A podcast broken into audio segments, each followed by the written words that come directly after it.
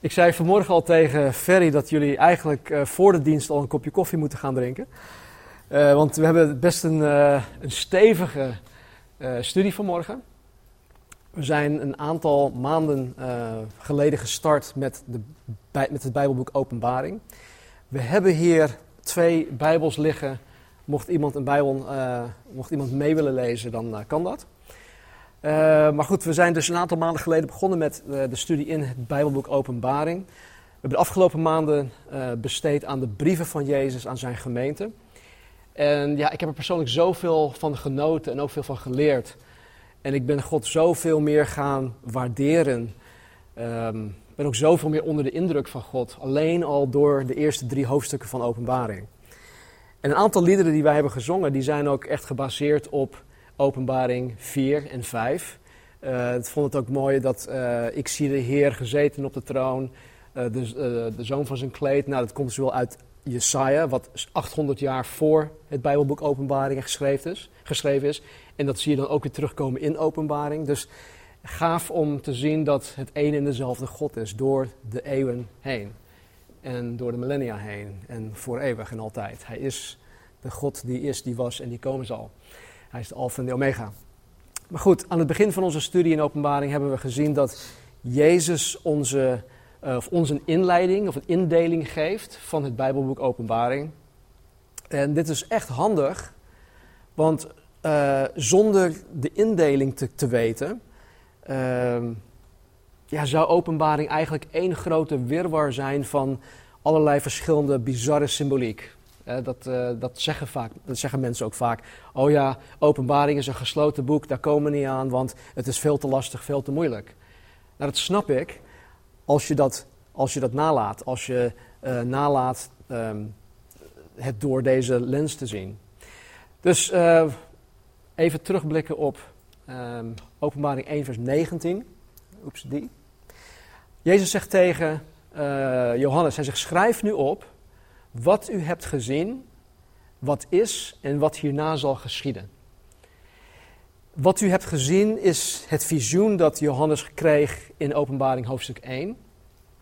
Wat is, dat duidt op Openbaring 2 en 3. Dat is het tijdperk van de kerk, van de gemeente.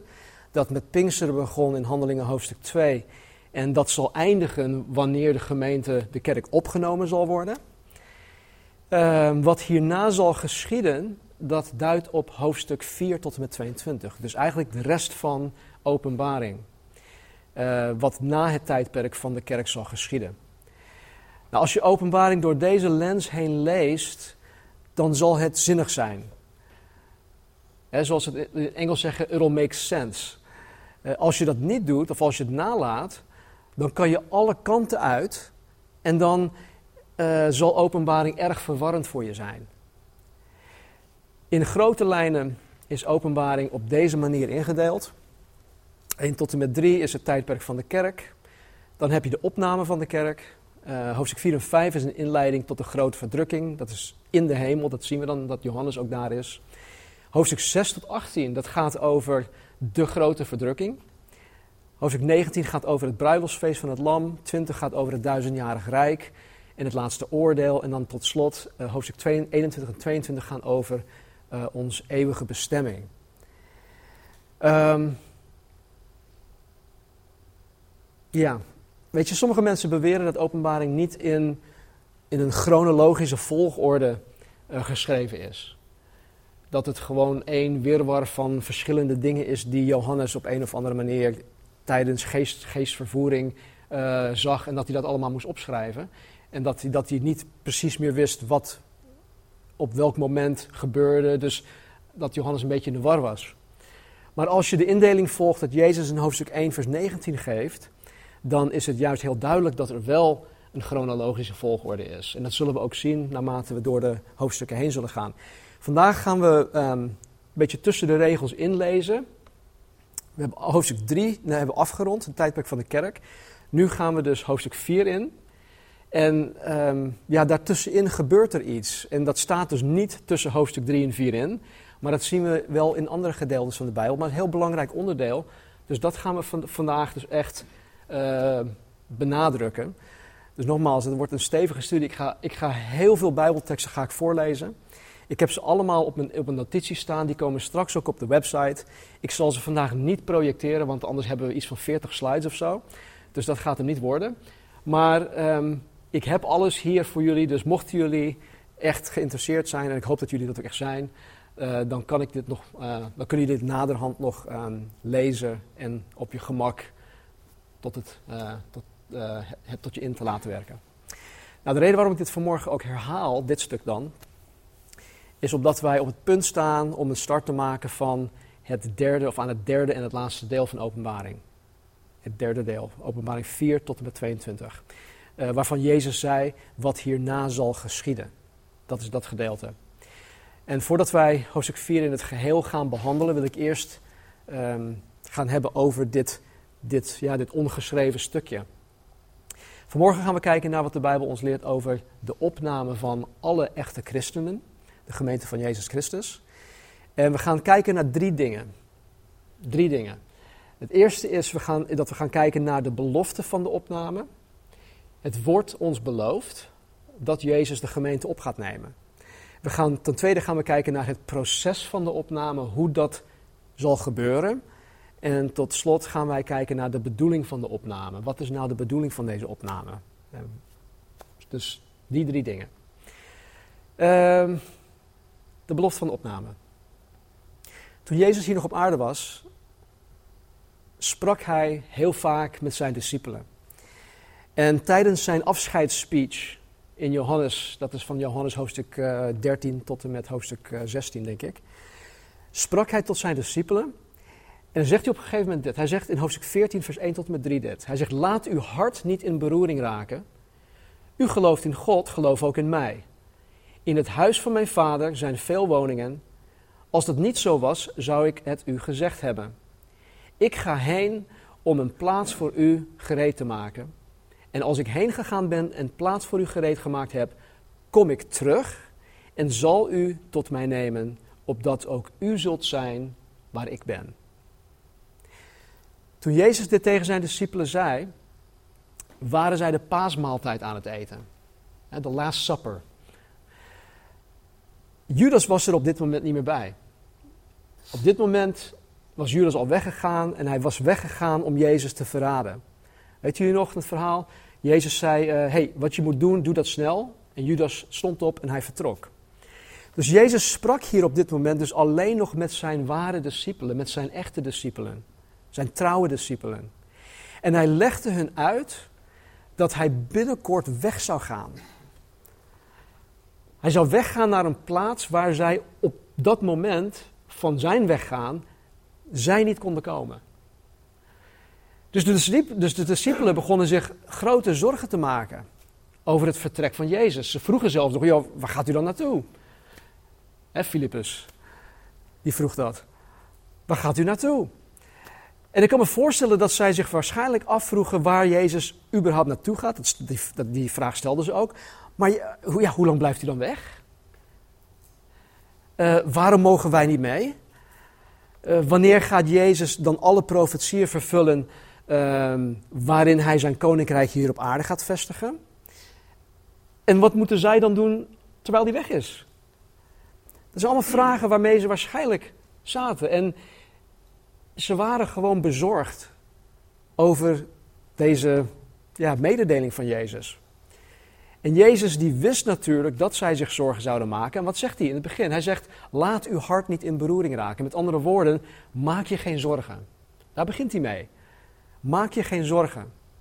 Vervolgens zegt Jezus dat waar God de Vader woont in de hemel, veel plaats is voor hun.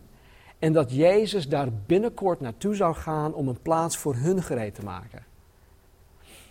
En dan zegt Jezus dat wanneer hij klaar is met het gereed maken van die plaatsen, en nu zeg ik even onze plaatsen, niet hun plaatsen, maar onze plaatsen, dat Hij voor ons terug zal komen om ons naar de hemel mee te nemen.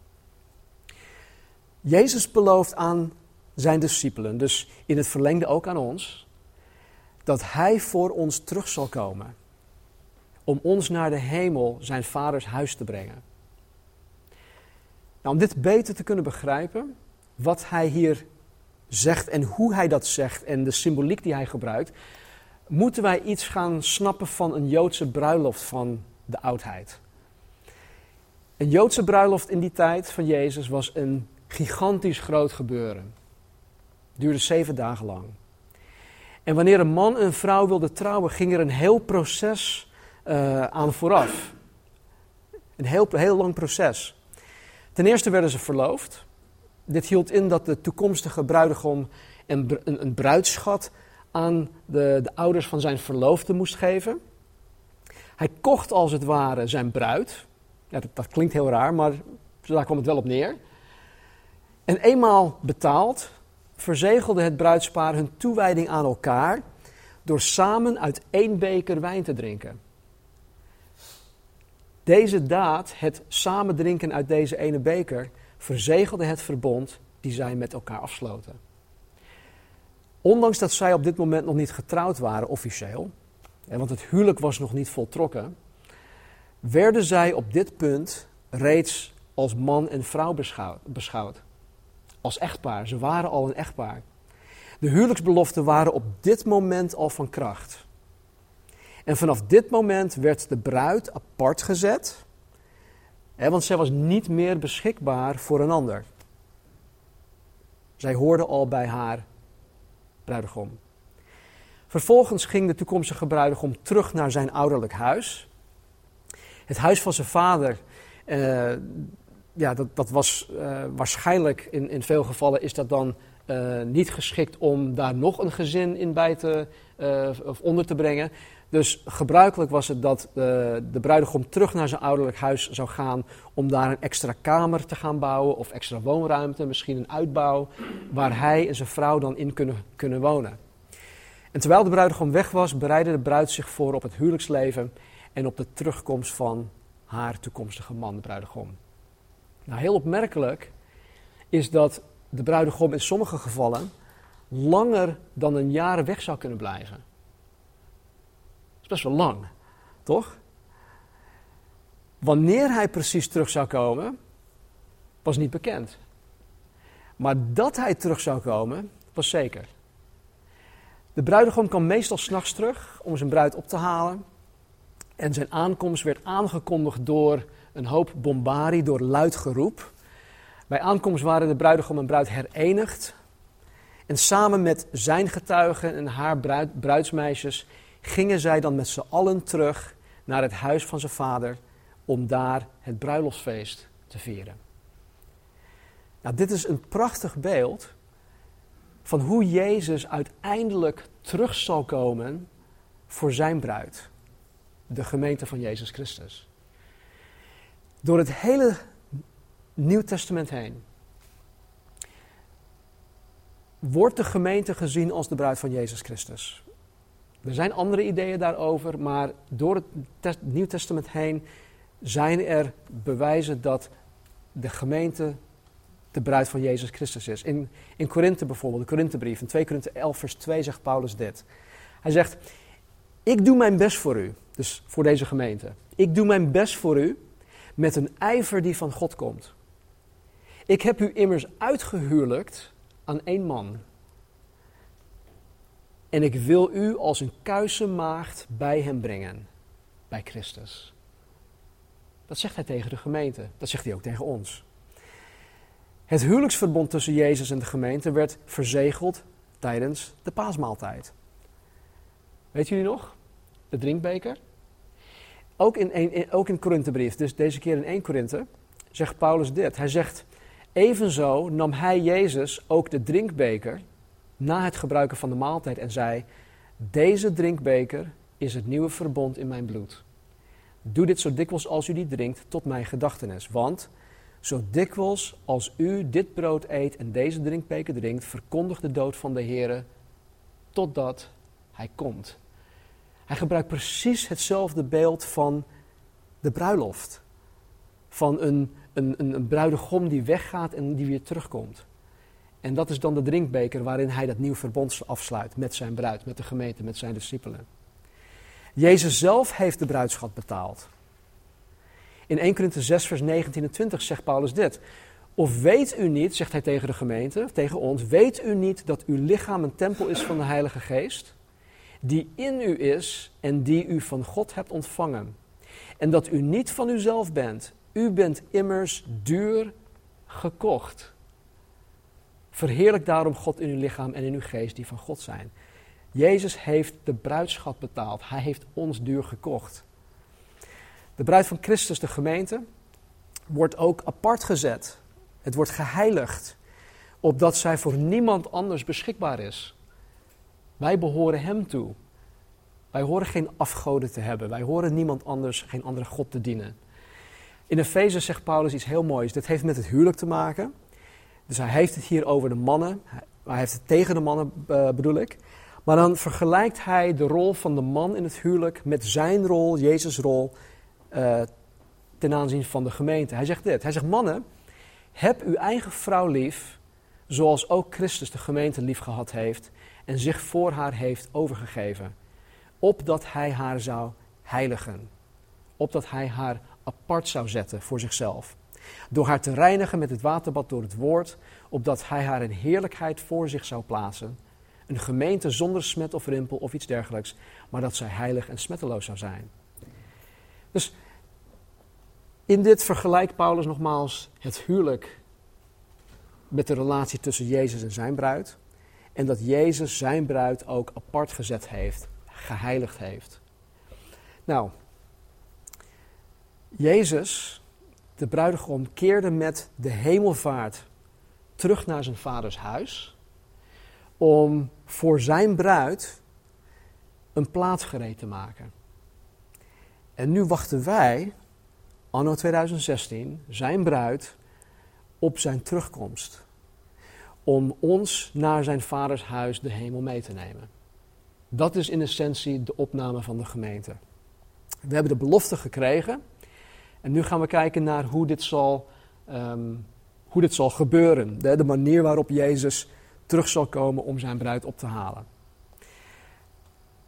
Nou, als, je er, als je erover nadenkt, is dit gewoon heel onwerkelijk. Het is, het is eigenlijk ongelooflijk, de opname van de gemeente.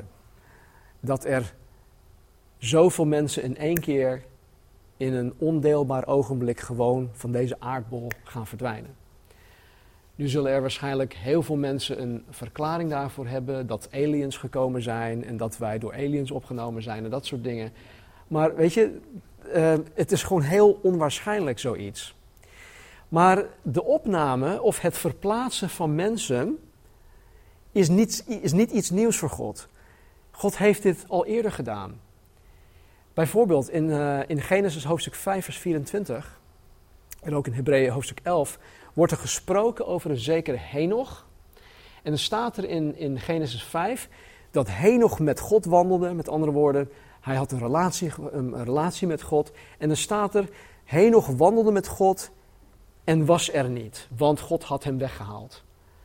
Dus dat, dat, dat zegt in de oorspronkelijke taal, dat, dat, dat spreekt van dat het feit dat, hij met God wandelde hier op aarde. Hij geloofde in God, hij wandelde met God en ineens was hij er niet meer. God had hem weggehaald. Elia, de profeet, die, was ook niet, die, die is ook niet gestorven. Zijn lichaam is hier nergens op aarde te vinden. Die ging ook de hemel in. Elisa die zag dat met eigen ogen gebeuren. Jezus, we hebben het ook net, genoemd, de hemelvaart. In Marcus en in Handelingen 1 staat dat Jezus uit hun ogen wegging. Hij, hij, ging hij ging terug naar de hemel toe. En zijn discipelen zagen dat. Filippus in hoofdstuk 8, die was in Samaria bezig. Die ging naar Gaza toe, waar hij uh, een, een, een, uh, een Ethiopische kamerling, hè, de, minister van Financiën, moest bereiken met het evangelie had die man gedoopt. Hij kwam uit het water en ineens, poem, was hij weg. En hij was ergens in Antioch te vinden, Antiochië te vinden. Dus deze methode van het wegrukken van, van mensen, het opnemen van mensen, is voor God niet nieuws. Niets nieuws. Ook in Openbaring hoofdstuk 4, waar wij volgende week mee gaan beginnen, um, staat er zoiets. Er staat in hoofdstuk 4, vers 1: Hierna zag ik, Johannes, en zie, er was een deur geopend in de hemel. En de eerste stem die ik als van een bezuin met mij had horen spreken, zei: Kom hier omhoog. En ik zal u laten zien wat hierna moet geschieden. En ineens was hij in de hemel. En ook in 1 Thessalonicense 4, dat is nog toekomstig, zal de gemeente opgenomen worden. Het woord opname is, trouwens niet in de Bijbel eh, genoemd. Het wordt niet zo genoemd. Uh, in het Engels uh, is het woord rapture, dat, is, dat staat ook niet in de Bijbel. Maar er wordt um, vanuit um, de Latijnse Bijbel wordt er wel een, een woord gebruikt en dat heet um, uh, rapturo, of is rapturo en dat betekent wegrukking of, of opname. En het, is, het spreekt van een hele gewelddadige wegrukken van iets. Dus wij worden letterlijk uit deze wereld weggerukt. Amen. ja, so anyway. 1 Thessalonicense 4, vers 16 en 17. De Heere zelf zal met een geroep, met de stem van een aartsengel en met een bazuin van God neerdalen uit de hemel. En de doden die in Christus zijn, zullen eerst opstaan. Hun, hun lichamen zullen opstaan uit de grond of waar ze ook zijn. als ze ergens in de zee zijn uh, gestorven of als ze gecremeerd zijn, dat weet God allemaal wel, maakt niet uit. Maar de doden zullen eerst opstaan. Dus dat wil zeggen, ze zullen lichamelijk opstaan. Als ik nu sterf, en dat zal ik zo meteen ook uitleggen. Als ik nu sterf, is mijn geest bij de Heer. Maar mijn lichaam zal hier nog zijn. Ik zal mijn verheerlijk lichaam pas krijgen bij de opname van de gemeente. Dus de doden zullen eerst opstaan. Wij zullen op dat moment ons verheerlijk lichaam krijgen. Maar daar komen we zo meteen op terug. En de doden die in Christus zijn, zullen eerst opstaan. Daarna zullen wij, de levenden die overgebleven zijn, samen met hen opgenomen worden in de wolken naar een ontmoeting met de Here in de lucht. En zo zullen we altijd bij de Here zijn. Ten eerste zien wij dat de Here terug zal komen zoals de bruidegom ook terugkomt. Met een geroep. En in dit geval met een geroep door een aartsengel met een bazuin. En het geroep is de aankondiging dat hij gekomen is. De bazuin spreekt hier van een, van een, een militaire actie. Het leger gebruikte in het verleden, en vandaag nog steeds denk ik, sommige plekken, de bazuin om commando's te geven aan de troepen. Bijvoorbeeld uh, aanvallen of inrukken en dat soort dingen. Daar waren verschillende um, signalen voor. Er was ook een specifieke bugelsignaalhoorn om de troepen bijeen te roepen. Kom weer terug, kom naar je, uh, je basis toe. En de bazuin van God spreekt hier dus van een bijeenroepen van zijn troepen. Ten tweede zien wij hier dat op het moment dat de gemeente opgenomen wordt, de christenen die reeds gestorven zijn, daar had ik het net over, als eerste hun uh, verheerlijk lichaam zullen krijgen. Het verheerlijk lichaam waar Paulus over schreef in, uh, in 1 Korinthe hoofdstuk 15. Deze ontvangen pas bij de opname hun verheerlijk lichaam. Daar kom ik, kom ik straks nog op terug, op 1 Korinthe 15. Maar dat betekent dus niet dat de gestorvenen of de gestorven christenen niet al meteen met de Here zijn. Want ze zijn uh, wanneer ze overlijden. Uh, Paulus legt het uit, hij zegt in 2 Korinthe 5. Wij houden dus de moed erin, al beseffen we heel goed dat wij, zolang we ons, in ons lichaam leven, nog ver van ons hemels huis verwijderd zijn. Door het geloof en niet door het zien weten wij, dat, weten wij dit, dat dit waar is.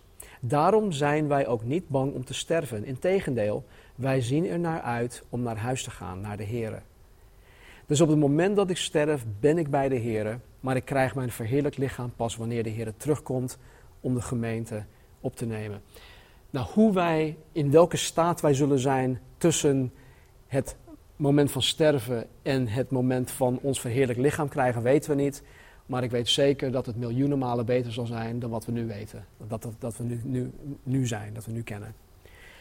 Nou, ten derde zien wij hier dat wij, wij die op dat moment van de opname levend zijn, de Heeren zullen ontmoeten in de lucht. En vanaf dat moment zullen wij voor altijd bij Hem zijn. Bij de opname komt Jezus niet fysiek terug op aarde.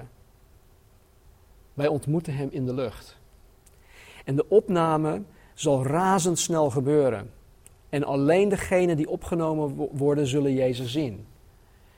Geen enkel ander persoon op aarde zal doorhebben wat er op dat moment gebeurt. Behalve dat er waarschijnlijk heel veel chaos zal zijn hier op aarde. Dit stukje over um, 1 Korinthe, 1 Korinthe 15. Paulus zegt, zie ik vertel u een geheimenis. We zullen wel niet allen ontslapen, dus we zullen niet allemaal gaan sterven, want als de opname, komt, dan zullen we niet sterven. Maar wij zullen allen veranderd worden. Zowel degenen die gestorven zijn, als ook wij die levend zijn. We zullen veranderd worden. We krijgen ons verheerlijk lichaam. In een ondeelbaar ogenblik, in een oogwenk, bij de laatste bazuin. Immers, de bazuin zal klinken en de doden zullen als onvergankelijke mensen opgewekt worden en ook wij zullen veranderd worden. Dus er zal een gigantisch grote verandering plaatsvinden op het moment dat wij opgenomen worden. En ik zie daar enorm naar uit. toen ik jonger was, uh, ja, maakte het niet zoveel uit. Ik had nog heel veel energie, mijn lichaam deed alles wat ik wilde. Maar goed, nu heb ik wat, wat, wat kwaaltjes en dingetjes. En uh, ik denk dat Willem daar ook uh, ja, iets van af weet. En, en Kobus misschien ook. Uh, Arja ziet er waarschijnlijk ook echt naar uit dat we, dat we ons nieuwe lichaam zullen krijgen. En weet je, dus het is echt gaaf om dat voor, dat, dat, dat voor vooruitzicht te mogen hebben. En ik denk dat of je nu jong bent of oud, het maakt niet uit. Het is iets waar we allemaal naar horen te hunkeren. Dat we veranderd gaan worden. Dat we dit, dit lichaam, waarmee, dat we elke dag met ons meeslepen, dat ons elke dag in de verleiding brengt, dat ons elke dag weer doet falen, dat we daar in één keer gewoon van af zijn. Heerlijk is dat, heerlijk zal dat zijn. Nou, de bedoeling van de opname, hier sluit ze mee af. Is het nog te doen of ga ik te snel? Oké. Eschatologie. Eschatologie, een mooi woord. Uh, een belangrijk woord. Ik ga niet zeggen dat je dat woord moet, moet vergeten. Want het is wel iets belangrijk voor elke christen. Eschatologie is de leer over het einde van de wereld. Eschatologie is de leer van uh, het, het laatste oordeel wat op een gegeven moment plaats gaat vinden. En de Bijbel heeft hier heel veel over te zeggen. Zowel in het Oude Testament als ook in het Nieuwe Testament. En een van de dingen die de Bijbel ons hierover leert, is dat het einde van de wereld niet in één klap zal geschieden. Nee, het einde van de wereld, of ja, um, ook genoemd de dag van de Heren of de dag des Heren, dat zal namelijk in meerdere fases gaan komen. Wanneer de Bijbel zo in het Oude Testament als in het Nieuw Testament spreekt over de dag des Heren, dan behelst dat een aantal jaren. Dus het is niet, eh, niet een, een moment. Eén, zo'n fase, ofwel één onderdeel daarvan, is wat de Bijbel de grote verdrukking noemt. En dat is een periode van zeven jaar. Ik vind het wel heel frappant of heel bijzonder dat het Bijbelboek Openbaring uit 22 hoofdstukken bestaat. Er zijn twee hoofdstukken, hoofdstuk 2 en 3, die zijn gewijd aan de kerk. En de kerk bestaat nu al 2000 jaar. Dus twee hoofdstukken voor de kerk die al 2000 jaar bestaat. En dan in één keer hoofdstuk 4 tot en met 18, of 6 tot en met 18, zoveel hoofdstukken besteed worden aan een periode dat alleen maar zeven jaar lang gaat duren. Dat wil nog, wel, nog, nog wat zeggen over hoe belangrijk die periode van zeven jaar is. En dat God een, een, een, doel daarmee heeft. En dat hij nog niet klaar is met Israël en, en dat soort dingen. dat zullen we allemaal gaan zien wanneer we die hoofdstukken in gaan duiken. Maar het is een, het is een, het is een belangrijk onderdeel. Het wordt zowel in het Oude Testament omschreven, maar ook in het Nieuw Testament. Het wordt voorspeld. Maar vanmorgen gaan we alleen maar naar een aantal dingen kijken vanuit het Nieuw Testament. Um, laten we naar Matthäus hoofdstuk 24 gaan. Dat is wel een mooi stuk.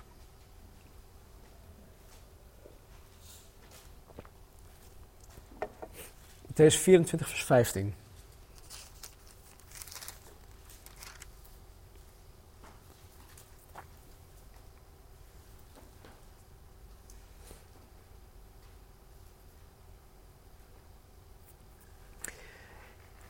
Matthäus 24 begint dan met Jezus die dan daar loopt met zijn discipelen. En uh, ze zijn op het tempelplein en ze kijken naar de tempel en ze zeggen, oh Jezus, kijk hoe geweldig mooi dit is. En dan vragen ze, stellen ze hem op een gegeven moment een vraag, uh, wanneer komt u terug? Of wanneer is de dag, is het moment dat, dat, dat, ja, dat, dat uw komst, uw parousia, hè, wanneer u uh, koninkrijk hier op aarde gaat vestigen, wanneer zal dat moment aanbreken? Nou, Jezus beantwoordt die vraag, maar hij zegt eerst in dit gedeelte wat er, wat, er, wat er voorafgaande moet gaan gebeuren. En een van de dingen die moet gebeuren is de grote verdrukking. En dan, dan legt hij dat ook uit. Hij zegt vanaf vers 15 dit. Hij zegt, wanneer u dan de gruwel van de verwoesting, waarvan gesproken is door de profeet Daniel, zult zien staan op de heilige plaats, laat hij die het leest daarop letten. Laten dan zij die in Judea zijn vluchten naar de bergen. Wie op het dak is, moet niet naar beneden gaan om iets uit zijn huis te halen. Wie op de akker is, moet niet terugkeren naar wat hij achterliet om zijn kleren te halen. Maar wee de zwangeren en de zogenden in die dagen. Bid dat u uw vlucht niet plaats zal laten vinden in de winter en ook niet op een sabbat. Want dan zal er een, groot, want dan zal er een grote verdrukking zijn, zoals er niet geweest is vanaf het begin van de wereld tot nu toe en zoals er ook nooit meer zal zijn. En als die dagen niet ingekort werden, zou er geen vlees behouden worden, maar ter wille van de uitverkorenen zullen die dagen ingekort worden. Tot zover. Dit stuk gaat over de grote verdrukking. Jezus zegt in vers 21: Dan zal er een grote verdrukking zijn, zoals er niet geweest is vanaf het begin van de wereld tot nu toe en zoals er ook nooit meer zal zijn. Jezus zegt dat de, dat, dat de grote verdrukking eraan zit te komen. En dat het iets zal zijn dat in de gehele geschiedenis van de mens, van de wereld, nog nooit eerder was voorgekomen. En daarna ook nooit meer voor zal komen. En de vraag is: oké, dit staat hier nu, maar waarom? Waarom per se een grote verdrukking? Hebben we nu niet al genoeg verdrukking? wij als christenen hebben met verdrukking te maken. Jezus zei ook: In de wereld zal je verdrukking hebben, maar ik heb de wereld overwonnen. Dus christenen hebben überhaupt met verdrukking te maken. Is dat dan al niet genoeg? Waarom per se deze grote verdrukking? En wie of wat is dan de oorzaak van deze grote verdrukking? Wat is de bedoeling hiervan? Nou, Romeinen 2, vers 5 tot 11 legt iets uit over de mens, over de huidige staat van de wereld. En we kunnen dit gewoon naast de krantenkoppen leggen en zien dat dit helemaal waar is. Paulus schrijft dit, Romeinen hoofdstuk 2, vers 5 tot 11. Maar nee, u blijft hardnekkig weigeren uw leven te veranderen. Het is uw eigen schuld als de toorn van God u treft op de dag van het rechtvaardige oordeel. Als hij de wereld oordeelt, zal hij ieder geven wat hij verdient. Hij geeft eeuwig leven aan hen die geduldig de wil van God doen, op zoek naar de glorie en eer en het leven dat nooit eindigt. Anderzijds zal hij, God, zijn strenge straf laten neerkomen op hen die alleen maar aan zichzelf denken en die in plaats van zich aan de waarheid te houden onrecht doen. Wie liever kwaad doet, zal vreselijke pijn en ellende te verduren krijgen. Dat geldt voor iedereen, niet alleen voor de Joden, maar ook voor alle andere mensen. Maar ieder die het goede doet, zal door God, geworden, door God worden verhoogd en vrede ervaren. Ook dat geldt niet alleen voor de Joden, maar eveneens voor alle andere mensen. Want voor God zijn alle mensen gelijk. Dat is uit het boek. De Bijbel zegt hier dat wanneer God de wereld oordeelt, hij een ieder zal geven wat hij of zij verdient. Degenen die Jezus Christus verwerpen, krijgen Gods toorn over zich heen. Jezus zei tegen, tegen Nicodemus. Nicodemus was een fariseer. Dat was terug uh, toen Jezus hier nog op aarde was. Fariseer was uh, sympathiek uh, richting Jezus. En hij kwam op, op een gegeven moment kwam hij s'avonds bij Jezus, omdat hij niet gezien wilde worden door zijn collega's. En Jezus zei tegen deze Nicodemus, wie in de Zoon gelooft, dus wie in Jezus gelooft, heeft eeuwig leven. Maar wie de Zoon ongehoorzaam is, zal het leven niet zien, maar de toorn van God blijft op hem. De straf, de toorn van God blijft op die persoon. En dan is het niet een kwestie van, ja, oké, nou, ik, ik heb wel een beetje van Jezus. Ik geloof wel een beetje van Hem. Of ik geloof wel een beetje in Hem. Ehm, nee, Jezus zegt, je bent of voor mij, of je bent tegen mij. Het is niet een beetje van allebei. Jezus zei ook, je kan niet uh, twee goden dienen. Je kan niet God dienen en geld, bijvoorbeeld. Dat noemde hij. Weet je, dus eh, het is alles of niets. Het is alles voor Jezus of helemaal niets. En degene die ervoor kiezen om, om ja, die, die middenweg proberen te vullen, hè, te, te, te bewandelen, één, één, één been in, in de wereld, één been in, in Gods koninkrijk, die personen hebben het het zwaarst. Waarom? Omdat ze aan de ene kant flink getrokken worden door de wereld, en aan de andere kant worden ze uh, door de Heilige Geest overtuigd dat waar ze mee bezig zijn niet goed is. Dus het is, het is, het is echt de moeilijkste plek om te bewandelen, dat pad. Het is beter om er helemaal voor te gaan of helemaal niet. Daarom zei Jezus ook in de, in de preek van twee weken geleden, of nee, van vorige week: Jullie zijn lauw. Ik wou dat je of heet was of koud, maar jullie zijn lauw. Dat is echt de moeilijkste plek. Dus wie in de zoon gelooft, heeft eeuwig leven, maar wie de zoon ongehoorzaam is, zal het eeuwig leven niet zien. Maar de toorn van God blijft op hem. De, de grote verdrukking is dus een periode in de geschiedenis van de mens waarin God zijn toorn zal uitstorten over alle mensen die Jezus Christus bewust verwerpen. En dit is de straf die de mensheid toe zal komen voor hun ongehoorzaamheid aan Gods, Gods redding, aan Gods heilsplan. God heeft een geweldig plan om mensen te redden. Maar als mensen daar niks mee doen, als ze dat niet willen, dan verwerpen ze het. De Bijbel leert ons dat de grote verdrukking het, eerst, het ergste is dat de wereld en de mensheid ooit zal overkomen. De huidige staat vind ik al erg genoeg. We hebben te maken met de zondige mens. We hebben te maken met uh, Satan die ook hier, hier op aarde aan het werk is. We hebben te maken met uh, allerlei kwaad en, en, en dat soort dingen.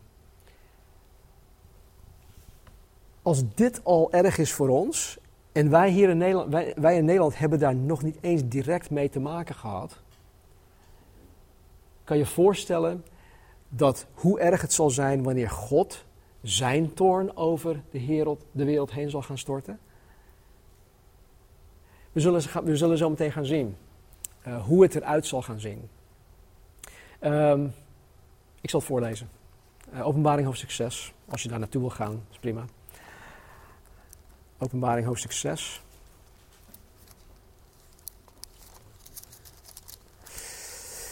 Uh, even kijken, hoofdstuk 6 vanaf vers 12. Dit is nog aan het begin van de, de verdrukking, nog niet eens in de, tweede, in de tweede helft. En ik zag toen het lam het zesde zegel geopend had, en zie, er kwam een grote aardbeving. De zon werd zwart als een harenzak, en de maan werd als bloed. De sterren van de hemel vielen op de aarde zoals een vijgenboom, zoals een vijgenboom zijn onrijpe vijgen afwerpt, als hij door een harde wind wordt geschud. En de hemel week terug als een boekrol die wordt opgerold. En alle bergen en alle eilanden werden van hun plaats gerukt. En de koningen van de aarde, de groten, de rijken, de oversten over duizend, de machtigen en alle slaven en vrije mensen, dus iedereen, verborgen zich in de grotten en tussen de rotsen in de bergen. En ze zeiden tegen de bergen en de rotsen: Val op ons en verberg ons voor het aangezicht van Hem die op de troon zit en voor de toorn van het Lam. Want de grote dag van zijn toorn is aangebroken. Wie kan dan staande blijven? Dat is één gedeelte. Oh nee, nog uh, vers 1 in hoofdstuk 7. Hierna zag ik vier engelen staan op de vier hoeken van de aarde. Zij hielden de vier winden van de aarde tegen, opdat er geen wind zou waaien op de aarde of op de zee en tegen enige boom. Hoofdstuk 8, vers 7. De eerste engel blies op de bazuin en er kwam hagel en vuur vermengd met bloed en dat werd op de aarde geworpen. En het derde deel van de bomen verbrandde en al het groene gras verbrandde. En de tweede engel blies op de bezuin en er werd iets als een grote berg die van vuur brandde in de zee geworpen. En het derde deel van de zee werd bloed. En het derde deel van de schepselen in de zee die leven hadden stierf. En het derde deel van de schepen verging. En toen de derde engel op de bazuin blies, viel er een grote ster uit de hemel die brandde als een fakkel. Hij viel op het derde deel van de rivieren en op de waterbronnen. En de naam van de ster was Alsem. En het derde deel van de wateren veranderde in Alsem. En veel mensen stierven van dat water, omdat het bitter was geworden. De vierde engel blies op de bazuin en het derde deel van de zon werd getroffen en het derde deel van de maan en het derde deel van de sterren, zodat het derde deel daarvan verduisterd werd en zodat de dag voor zodat de dag voor een derde deel niet licht werd en de nacht evenmin. En ik zag en hoorde één engel die hoog aan de hemel vloog en met een luide stem riep: Wee, wee, wee, hun die op de aarde wonen, vanwege de, vanwege de overige bazuinstoten van de drie engelen die nog op de bazuin zullen blazen. Even kijken. En de vijfde engel blies op de bazuin en ik zag een ster uit de hemel op de aarde gevallen. En hem werd de sleutel van de put van de afgrond gegeven. En hij opende de put van de afgrond en er steeg rook op uit de put als rook van een grote oven. En de zon en de lucht werden verduisterd door de rook van de put. En uit de rook kwamen sprinkhanen op aarde. En hun werd macht gegeven zoals de schorpioenen van de aarde macht hebben. En tegen hen werd gezegd dat ze geen schade mochten toebrengen aan het gras van de aarde, of welke groene plant of welke boom dan ook, maar alleen aan de mensen die het zegel van God niet op hun voorhoofd hadden. En hun werd macht gegeven niet om hen te doden, maar om hen te pijnigen. Vijf maanden lang. Hun pijniging was als de pijniging door een schorpioen wanneer hij een mens steekt. En in die dagen zullen de mensen de dood zoeken, maar die niet vinden. En ze zullen er naar verlangen te sterven, maar de dood zal van hun wegvluchten. Vers 13. En de zesde engel blies op de bazuin en ik hoorde uit de vier horens van het gouden altaar dat voor God stond, één stem komen. Die zei tegen de zesde engel die de bazuin had, maak de, vier engelen los die gebonden zijn bij de grote rivier de Eufraat. En de vier engelen werden losgemaakt. Zij waren in gereedheid gehouden tegen het uur en de dag van en de maand en het jaar dat zij het derde deel van de mensen zouden doden. En het aantal bereden troepen bedroeg tweemaal tienduizend maal tienduizend. En ik hoorde hun aantal. En in het visioen zag ik de paarden en hen die erop, die erop zaten al dus. Ze hadden vuurrode en rookkleurige en zwavelkleurige borstharnassen. En de hoofden van de paarden waren als leeuwen. En uit hun mond kwam vuur, rook en zwavel. Door deze drie werd het derde deel van de mensen gedood door het vuur, de rook en de zwavel die uit hun mond kwam. Want hun macht ligt in hun mond en in hun staart, want hun staarten zijn als slangen met koppen eraan. En daarmee brengen ze schade toe. En de overige mensen die niet door deze plagen werden gedood, bekeerden zich niet van de werken van hun handen. Zij bleven de demonen aanbidden en de gouden, zilveren, koperen stenen en houten afgoden die niet kunnen zien, horen of lopen. Ook bekeerden zij zich niet van hun moorden, hun tovenarij, hun ontucht en het plegen van diefstal. Dit is echt zo heftig. Een derde deel van de mensheid in één keer weg. Ik heb het al vaker gezegd, maar op basis van de huidige wereldbevolking is dat 1,8 miljard mensen. We hebben het nu over 84 in Nice. We hebben het over 9 of 10 in München. We hebben het over zoveel in Parijs. We hebben het over tientallen mensen. Een derde deel van de wereldbevolking, 1,8 miljard mensen, dat is Noord, Midden, Zuid-Amerika, Duitsland, Frankrijk en Spanje bij elkaar opgeteld. In één keer weg. Dat is de grote verdrukking. Daarom zegt de engel, wee, wee, wee, wat er nog aan zit te komen. Dit is nog niet eens, dit is nog niet eens, we zitten nu op de helft. Als jullie door willen lezen, lees gewoon door tot hoofdstuk 18. De grote verdrukking, wat, wat ook meerdere malen gezegd wordt hier, is Gods toorn over de goddelozen. En wat mij hierin echt het meest verbaast, is niet eens Gods toorn over de mensen, maar dat de mensen nog steeds zo koppig zijn dat ze zich niet willen bekeren tot de levende God om alsnog gered te worden. Ze blijven volharden in hun kwaad, in hun, wat hier staat. Ook bekeerden zij zich niet van hun moorden, hun tovenarij, hun ontucht en het plegen van diefstal. Ze bleven gewoon doorgaan, ondanks dat zij duidelijk wisten dat Gods toorn over hen uitgestort werd. Deze verdrukking is Gods toorn over de goddelozen. En dit staat de ongelovige wereld te wachten. Ondanks dat God, ondanks dat God zelf dit helemaal niet wil. God wil dit niet. God heeft dit nooit bedoeld voor zijn schepping, de mens. In Ezegel 33, 11 zegt God: Zo waar ik leef, zegt de oppermachtige Heere, de dood van de goddeloze doet mij geen genoegen. De dood van de goddelozen doet God geen genoegen. Integendeel, ik wil graag dat de goddeloze zijn zonde de rug toekeert en in leven blijft. Bekeer u van uw goddeloosheid, want waarom zou u sterven? God pleit met de mensheid. God pleit met een ieder van, van ons. In Petrus zegt, uh, Petrus zegt ook, ook dit in 2 Petrus 3:9. God wil niet dat er iemand verloren gaat, maar dat alle mensen tot bekering komen. En Johannes 3:16, want zo lief heeft God de wereld gehad dat hij zijn enige geboren zoon gegeven heeft, opdat ieder die in hem gelooft niet verloren gaat, maar eeuwig leven heeft. God heeft ons, wij die Jezus Christus navolgen, de opdracht gegeven om mensen het goede nieuws te vertellen, zodat zij niet verloren hoeven te gaan. Mensen hoeven niet per se verloren te gaan. Nu is het natuurlijk niet mijn verantwoordelijkheid om de hele wereld te gaan redden, want soms voelt, voelt het ook zo van, oh man, ik draag die last. Nee, dat is Gods last.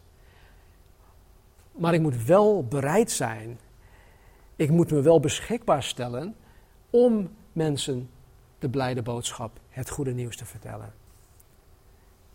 En God weet wie dat zijn. God weet bij voorbaat al, hij weet van tevoren al wie wel en wie niet tot geloof gaan komen. Niet dat hij hun ehm, voorbestemd heeft om wel of niet te gaan geloven, maar hij weet van tevoren wie wel. En laat het ons gebed zijn, Heer, breng alsjeblieft de mensen op ons pad die wel tot geloof gaan, gaan komen, zodat wij het evangelie met hen kunnen delen.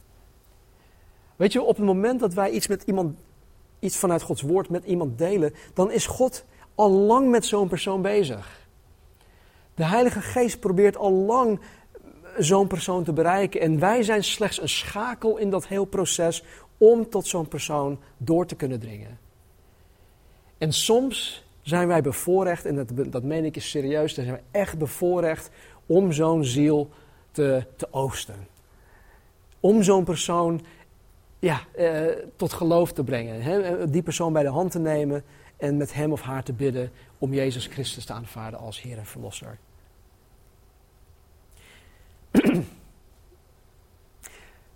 nu, als de grote verdrukking eraan zit te komen, hoe ontkomen wij dat? En hier sluit ik mij af.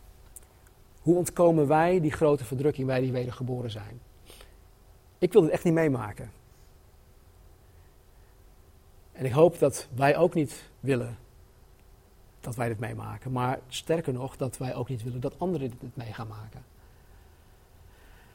In Romeinen hoofdstuk 5, vers uh, 1. Waar staat dat ook alweer? Uh, oh ja, Romeinen 5, vers 9. Paulus heeft het over ons geloof en dat uh, God zijn liefde voor ons heeft getoond. Dat terwijl wij nog uh, vijanden van God waren, zondaren waren, heeft hij zijn zoon gegeven, zijn zoon gezonden, is Jezus voor ons gestorven. Er staat in vers 8, God echter bevestigt zijn liefde voor ons daarin dat Christus voor ons gestorven is toen wij nog zondaars waren. En dus stel je voor, God geeft zijn, zijn allerbelangrijkst bezit. Zijn enige geboren zoon. Hij geeft dat aan mij. Hij geeft hem aan mij terwijl ik nog tegen God aan het schoppen ben. Terwijl ik nog vijandig ben tegenover God. Geeft God mij Christus. En dan zegt hij dit: Veel meer dan zullen wij, nu wij gerechtvaardigd zijn door zijn bloed, door hem behouden worden van de toorn. Snap je dus? Toen wij nog vijandig waren, toen wij nog uh, verloren waren, heeft God zo'n radicale maatregel getroffen door zijn zoon te geven. Nu wij bij hem horen, nu wij zijn bruid zijn, hoeveel meer zal hij ons dan niet behouden en bewaren van de toorn, zegt Paulus. Dus dit suggereert dat wij behouden zullen worden van de toorn van God, de grote verdrukking. Ja, nog, nog eentje. In Thessalonicense hoofdstuk 1.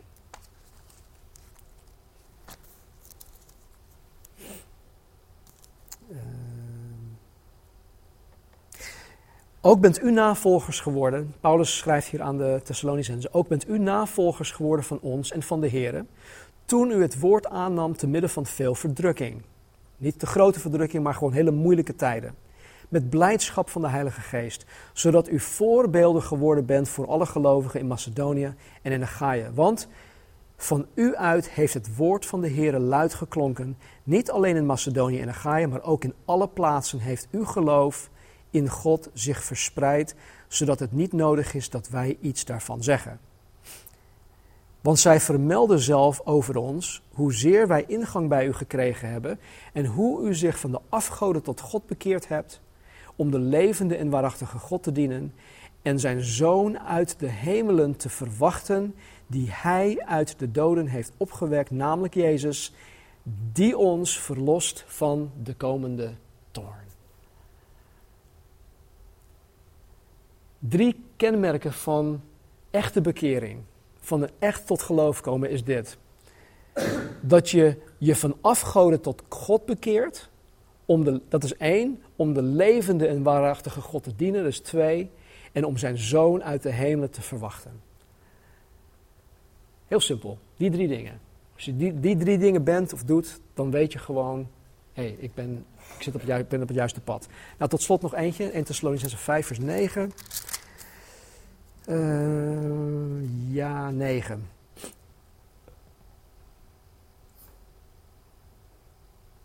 Laten wij, die van de dag zijn, nuchter zijn, bekleed met het borstharnas van geloof en liefde, en met de hoop op de zaligheid als helm. Want God heeft ons niet bestemd tot toorn.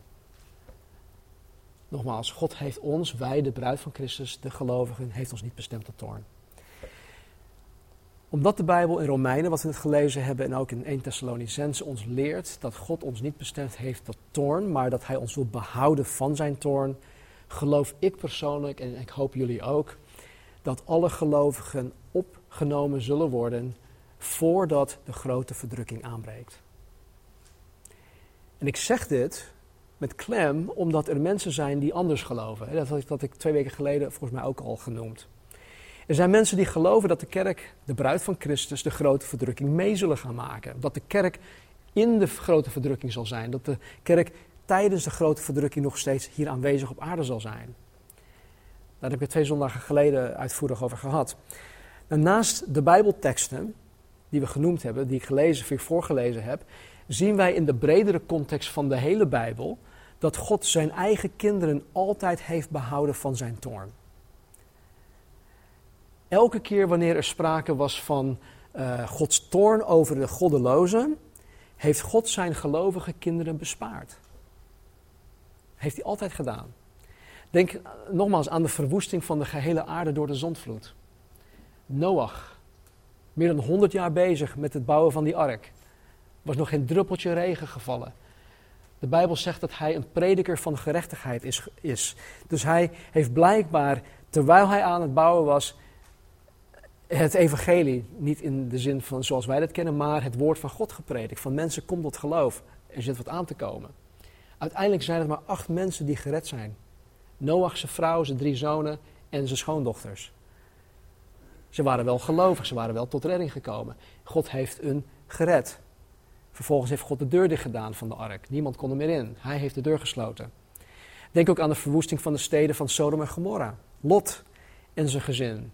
Die waren de enige, een handjevol mensen Uit heel veel mensen, die waren, dit, waren, zij waren de enigen die, die gerechtvaardigd waren door geloof. En dit zijn allebei voorbeelden dat God de rechtvaardige nooit mee zal straffen met de goddeloze. En omdat wij, wij die Jezus Christus navolgen, door Hem gerechtvaardigd zijn. Weet je wat dat betekent? Ik ben gerechtvaardigd, wij zijn gerechtvaardigd door ons geloof in Jezus Christus. Dat betekent dat wij Zijn rechtvaardigheid hebben gekregen. Het is de, de allerbeste um, ruil, in, uh, ruilactie die, ooit, die, ooit, uh, die de mensheid ooit heeft gekend. Ik heb mijn troep, mijn rotzooi, mijn zonde, mijn, al mijn, ja, mijn kwaad, heb ik ingeruild voor zijn gerechtigheid.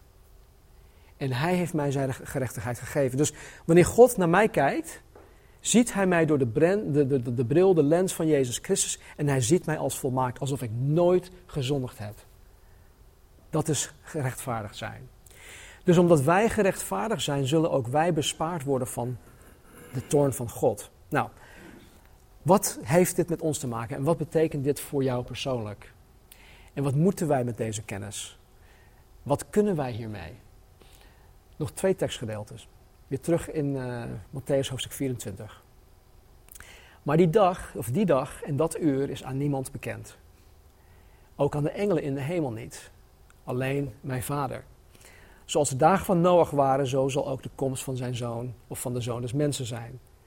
Want zoals ze bezig waren in de dagen voor de zondvloed met eten, drinken, trouwen en te huwelijk geven, dat is gewoon business as usual, tot aan de dag waarop Noach de ark binnenging en het niet merkten totdat de zondvloed kwam en, en allen wegnam, en allen dus doden, zo zal ook de komst van de zoon des mensen zijn. Dan zullen er twee op de akker zijn, de een zal aangenomen en de ander zal achtergelaten worden. Er zullen twee vrouwen malen met de molen, de een zal aangenomen en de ander zal achtergelaten worden. Wees dan waakzaam, want u weet niet op welk moment uw Heer komen zal. Dit is een gelijkenis. Hij heeft het hier voornamelijk over de wederkomst van Jezus Christus. De wederkomst is iets, iets totaal anders dan de opname van de kerk. Maar in ieder geval, wat kunnen wij hiermee? Wij weten ook niet wanneer de bruidegom terugkomt om de bruid weg te halen, op te halen. Dus wat kunnen wij hiermee? Wat moeten wij hiermee? Wees waakzaam, want u weet niet op welk moment uw Heer komen zal. En hoe kunnen we waakzaam zijn? Door onze ogen gericht te houden op Jezus, op God. Door bezig te zijn met de dingen, van God. Niet dat we met allerlei foute dingen bezig zijn. Niet dat dat op zo'n moment um, uh, dat het ons zou disqualificeren van het gered zijn. Maar toen mijn kinderen nog jong waren, eh, lieten we hun wel eens alleen thuis. Christine was dan een jaar of 12, 13 oud. Die, die kon op de kleintjes passen. Op de jongere kinderen, zijn allemaal nog klein. Maar die op de, op de jongere kinderen passen. En um, wij, wij lieten hun bewust niet weten hoe laat we terugkwamen, thuis kwamen. Hoe laat kom je terug dan? Ja, we komen vanavond terug. Ja, maar hoe laat dan? Ja, dat zie je wel. Ik weet zelf, ook als ik ben ook kind geweest, dat wanneer ik niet precies wist wanneer mijn ouders terug zouden komen, dat ik altijd ja, toch best wel oplettend zou zijn. want je weet maar nooit, mijn ouders kunnen terugkomen. Dan hield ik me niet met stomme dingen bezig. Als ik wist van, nou, het is nu 7 uur s'avonds, mijn ouders komen pas om 12 uur terug. Nou, dan heb ik in ieder geval 4 uur de tijd om de beest uit te hangen en dan een uurtje tijd om de boel op te ruimen. Maar zo is dat niet. Weet je, dus we moeten waakzaam blijven. We moeten waakzaam zijn. Nou, tot, tot slot dit. Lucas 21, 34, 36. Wees op uw hoede dat uw hart niet op enig moment bezwaard wordt door roes en dronkenschap en door zorgen over de alledaagse dingen. En dat die dag u niet onverwachts overkomt. Want als een strik zal hij komen over allen die op het hele aardoppervlak wonen. Waak dan te allen tijden en bid dat u waardig geacht zult worden om al die dingen die gebeuren zullen te ontvluchten en om te kunnen bestaan voor de zoon des mensen. Ik heb één vraag. Ben je er klaar voor? Ben je er klaar voor? Ik denk dat het de belangrijkste vraag is van vandaag. Niet alleen van vandaag, maar elke dag vanaf dit moment. Ben je er klaar voor? Laten we bidden. Heer God, dank u wel dat u uw plan aan ons hebt onthuld. Heer, we hebben het vandaag wel tussen hoofdstuk 3 en 4 in de openbaring moeten lezen, tussen de regels door, tussen de hoofdstukken door. Maar heren, u hebt ons niet in het ongewisse gelaten. U wil niet, heren, dat wij ehm, in het duister tasten. U zegt zelfs in uw woord dat u wil dat wij allen tot kennis der waarheid komen. Dus ook tot kennis der waarheid over de opname van de kerk, de grote verdrukking, de eindtijd, de eschatologie. Dit zijn voor u belangrijke dingen, anders had u het niet aan ons gegeven. Dus vader, ik dank u voor de belofte. De belofte dat u ons zal opnemen. Ik dank u ook, Heer, de manier waarop het zal gebeuren. Heren, sommigen van ons die, die kikken op spanning. Uh, sommigen van ons die, die vinden sommige extreme dingen heel leuk. Heren, daar krijgen we een soort van adrenaline rush van. Maar heren, niets wat hier, wat hier op aarde zou kunnen gebeuren, niets wat de aarde ons te bieden heeft, zal ons de adrenaline rush kunnen geven, heren, dan de opname. Ik zie er zo naar uit. Wat voor een geweldige ja, ervaring dat zou zullen zijn, heren, om in een ondeelbaar ogenblik in één keer gewoon veranderd te zullen worden. Dat ik dit, dit lichaam af zal mogen leggen en in één keer gewoon een verheerlijk lichaam zal hebben. Heerlijk, Vader, zal dat zijn. En Heer, ik dank u ook dat u ehm, ja, de opname aan ons geeft. Heer, dat u zo genadig bent, dat u zo liefdevol bent. Dat u, Jezus, als bruidegom uh, nu een plek voor ons aan het bereiden bent, gereed aan het maken bent. En dat u terug zal komen, Heer, om uw bruid, om ons uh, op te halen, op te komen halen. En Heer, dat wij niet door de grote verdrukking heen hoeven te gaan. Zoals ik in een voorbeeld noemde, Heer, een paar weken geleden, dank ik u, Heer, dat u ons uh, ja, niet zal uh, meppen, Heer, voordat we op huwelijksreis gaan. Want Heer, dat, zo zou het zijn als u ons door de grote verdrukking heen zal laten gaan. Dus Heer, ik dank u daarvoor. Ik bid ook, Vader, voor een ieder van ons, Heer, die hier zijn, die dit, die dit horen, ook straks via de audio-opname en de video. Vader, dat u een ieder van ons gereed zal maken. Dat wij uh, ja, met veel overtuiging kunnen zeggen, Heer, ja, ik ben er klaar voor. Heer, kom gewoon. Maranatha, kom vandaag liefst. Geef ons die zekerheid dat we er klaar voor zijn. En Heer, als we er niet klaar voor zijn, maak ons er klaar voor. Heer, ik bid ook voor allen die vandaag, uh, ja, deze weken, Heer, op vakantie zijn of die nog op vakantie gaan. Behoed en bewaar hun, Heer, wees hun genadig. Laat hun u alstublieft niet uit het oog verliezen. Maar um, ja, laat, geef hun, Heer, momenten van, van, van uh, ja, intieme fellowship, Heer, met u. Dank u wel, Heer, voor wat u vandaag gedaan hebt, wat u vandaag aan het doen bent, wat u morgen gaat doen. Dank u wel dat u ons leven in uw hand hebt en dat u van ons houdt. We danken u in Jezus' naam. Amen. Amen.